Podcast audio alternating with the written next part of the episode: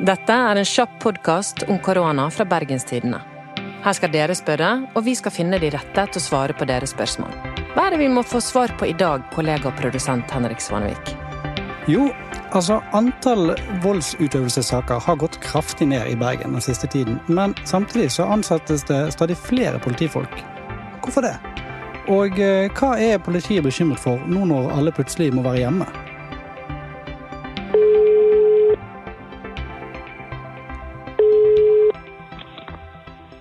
Hallo, det er Helge. Hei, Helge. Anna fra BT som ringer. Hei, du. Helge Stave, du er leder for etterretning og etterforskning i Vest politidistrikt. Ja. Landets politidirektør sier nå at politiet er et viktig ledd i samfunnets samlede innsats for å begrense smittespredningen i landet. Hva betyr det?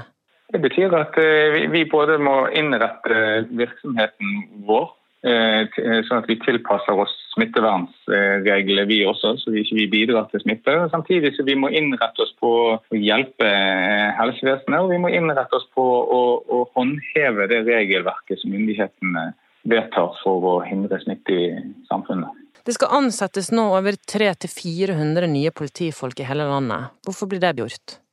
Det blir gjort for å øke kapasiteten til, til politiet. Nå har ikke vi nådd toppen på denne pandemien i, i Norge. Vi forventer jo at uh, flere av oss vil bli syke samtidig. Og vi forventer òg at det vil ramme nødetater som politiet. Og at vi vil ha større fravær enn normalt. Ja, har du eksempler på nye oppgaver dere har fått uh, i følge av koronakrisen? Oppgavene våre endrer seg både i, i, i omfang uh, og endrer seg gjerne i form av tema. Eksempelvis får vi gjerne litt telefoner nå i forhold til eh, at folk er bekymret når de ser at ungdommer eh, spiller fotball. Eh, møtes på idrettsplasser for å ha sosial interaksjon på andre steder enn i treningssentre og i andre idrettsanlegg. Og Da må politiet rykke ut og veilede litt. og Det går, er vår erfaring at det går veldig fint. Føles det rart å måtte stoppe ungdommer som får spille fotball, og liksom be folk oppføre seg når de er ute? Det er ikke noe uvant situasjon for, for, politiet å måtte bryte opp eh, festlige lag som tar litt av. De få tilbakemeldingene jeg har fått i form av min jobb, er at folk er veldig forståelsesfulle. Så mitt generelle inntrykk, som er, da er subjektivt, eh, er, er, at denne dugnaden, som eh, mange kaller det, ser ut til å gå bra foreløpig. Man skulle jo tro at nå som eh, landet så å si er stengt ned, at folk er ute av det offentlige rom i mye større grad enn før, at kriminaliteten går ned. Har du noen tanker rundt det? Greien er det at kriminalitet oppstår eh, gjerne der som folk ferdig som møtes, og kriminalitet oppstår gjerne når mennesker har interaksjon med hverandre. Kriminaliteten som fenomen tilpasser seg folks atferd. Så er det sånn at Nå har jo myndighetene gått ut med strenge tiltak for å få ned den fysiske interaksjonen mellom folk for å hindre smitte. Og Da endrer kriminalitetsbildet seg i takt med det, forventer vi. For det ser vi på, gjerne på andre områder. og litt sånn mer langsiktige trender i samfunnet. Er du bekymret for at det kan forekomme kriminelle handlinger som folk vanligvis ville ha anmeldt, men nå ikke har mulighet til å gjøre? Er du redd for det? Det som jeg er mest bekymret for, og som jeg deler med, med, med, flere i politiet, er jo som har vært eh, sagt fra politidirektør og nedover, er det at det vi er mest redd for når det gjelder det som vi kaller den skjulte kriminaliteten, er dette med vold i nære relasjoner. Eh, at den ikke blir meldt fra om. For det er sånn at nå når vi, veldig mange sitter på hjemmekontor rundt omkring i de samarbeidende etatene, sånn som barnevern og den slags, så er det vanskeligere for folk å komme i kontakt med de kanskje. Det er sånn at Når det gjelder vold i hjemmet, f.eks., vold gjennom ektefeller og samboere, så er det veldig ofte ikke den fornærmede som tar det første initiativet til å anmelde dette.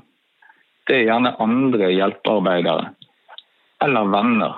Da er vi redd for at det skal eh, oppstå et informasjonstomrom der som gjør at eh, barn eksempelvis eh, har det ugreit fordi at vi ikke får informasjon om hvordan situasjonen egentlig er. Hva gjør dere for å beskytte denne gruppen?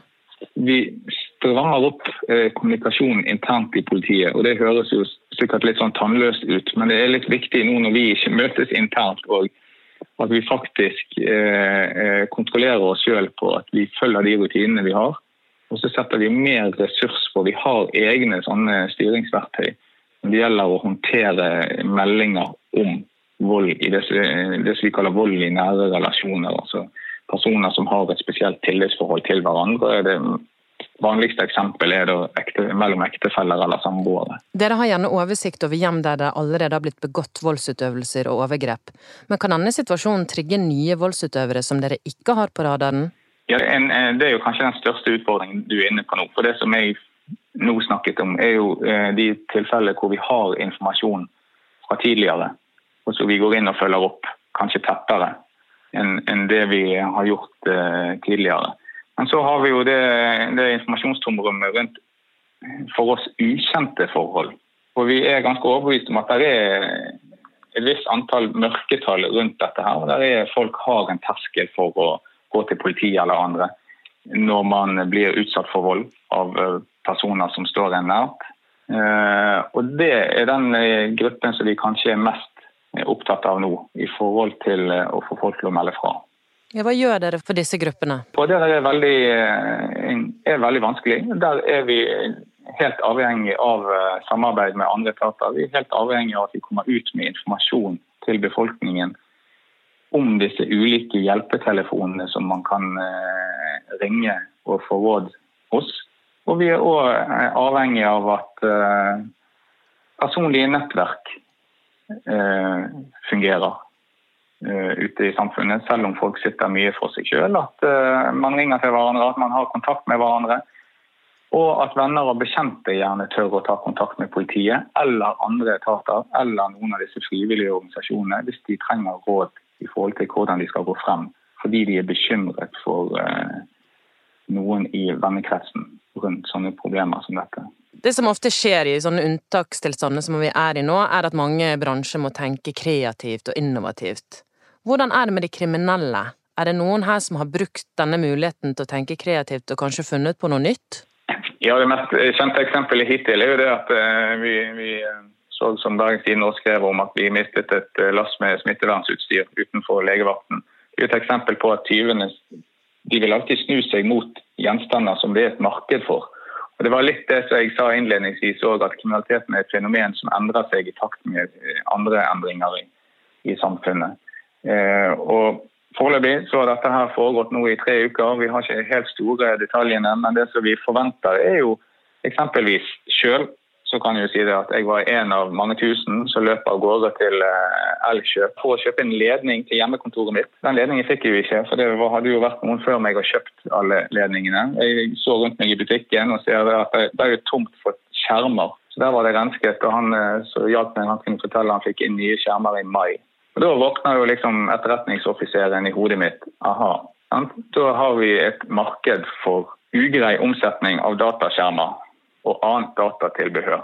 Eh, eksempelvis på, på, nettsider som, som eh, Finn, hvor man eh, må være litt på vakt i forhold til omsetning av tyvegods, men òg svindel i form av at eh, man eh, passer på at man følger de veldig gode retningslinjene. Nå brukte jeg finn.no som eksempel, men der ligger det veldig gode retningslinjer i forhold til hvordan man skal utføre betaling. Sånn at man ikke ender opp med å betale noe man ikke får. Helge, takk for praten. Ha det godt. Takk skal du ha. Ha det bra. Ha det. Vi er tilbake i morgen torsdag med et nytt spørsmål. Følg med på BT sin løpende koronadekning på bt.no. Mitt navn er Anna Magnus, og produsent var Henrik Svanevik. Lurer du på noe, send meg en e-post på anna.magnus.bt.no.